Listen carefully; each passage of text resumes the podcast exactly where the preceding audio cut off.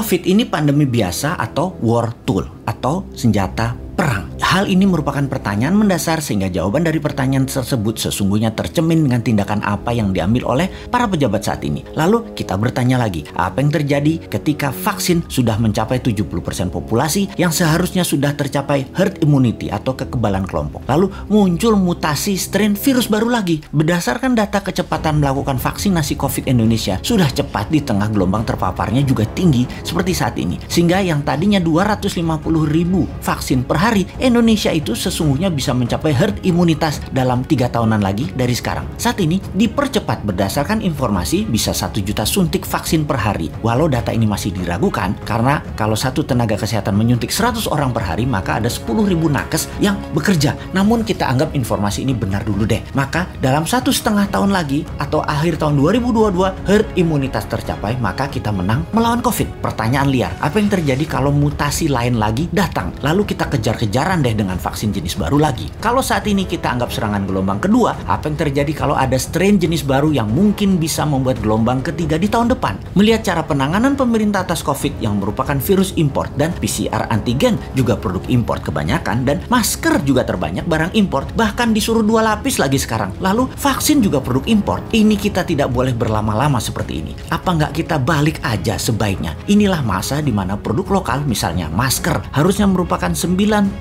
masker yang beredar di Indonesia saat ini adalah buatan lokal. Antigen tes lokalnya harus 100%. Vaksin lokal harus 50% atau obat peningkat imunitas yang lokal harus digenjot. Agar kalau virus mutan lagi, kita nggak terus bergantung impor yang akan membuat ekonomi negara digerogoti uang keluar atau flight capital. Sudah cara bernegaranya membatasi uang beredar menjadi tipis di tanah air, uang tadi ditarik keluar dengan berbagai kebutuhan impor dan tunai di tanah air harus hidup dengan pinjaman dolar asing dan yuan. Rupiah kok jadi nggak berdaulat ya? Pastinya karena kebijakannya terlalu impor. Walau bisa terlihat benar karena semuanya dalam keadaan darurat, tapi kalau bernegaranya daruratnya berkepanjangan seperti ini, sebenarnya bisa nggak masuk kategori salah kelola atau mismanagement bernegaranya. Lebaran tahun 2020 nih ya, kita nggak boleh mudik, eh pulang kampung, mudik apalah itu. Lalu tahun 2021 berlaku lagi, nggak boleh mudik lagi. Oke lah, kita manut. Dua kali ya kita manut. Walau ada beberapa orang nggak tahan melakukan pulang kampung yang katanya mereka lah penyebab meledaknya gelombang kedua paparan COVID sekarang. Oke lah, argumen ini diterima. Tetapi kalau tahun depan 2022 masih lagi, ini namanya nggak bisa kelola. Setuju nggak kalau hal ini kita sematkan? Nggak bisa kelola negara karena tiga kali berturut-turut kita nggak pulang kampung. Kembali ke pertanyaan awal. Kita bisa simpulkan dari pertanyaan pertama oleh pemerintah saat ini COVID adalah pandemi biasa, bukan war tool atau senjata perang biologi. Menjawab pertanyaan kedua, kalau ada strain baru, maka sepertinya ya ikut aja atas apa yang akan terjadi nanti. Kumaha engke, tak ada antisipasinya. Yang ada hanyalah mudah-mudahan nggak ada mutasi lagi. Kalau terjadi berlawanan, ini senjata biologi dan tren baru, mutasi baru lagi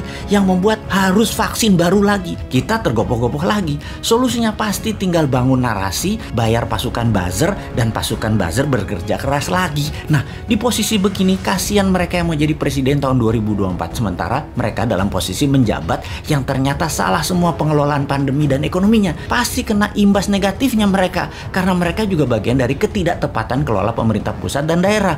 Karena yang digadang-gadang tahun 2024 kebanyakan pejabat incumbent. Di sini enaknya jadi yang bukan pejabat tetapi selalu memberikan solusi. Bahkan bukan hanya solusi, tapi saran yang dikerjakan walau dengan skala tanpa fasilitas. Bisa jadi kuda hitam nggak di tahun 2024 kira-kira dia itu. Tapi mudah-mudahan prediksi ini salah. Ekonomi membaik, COVID teratasi tahun ini. Amin. Cuman takut aja prediksi ini benar. Masa tinggal bos main tahun 2024? Ya nggak mungkin toh. Harusnya bisa tiga kali menjabat. Dukung.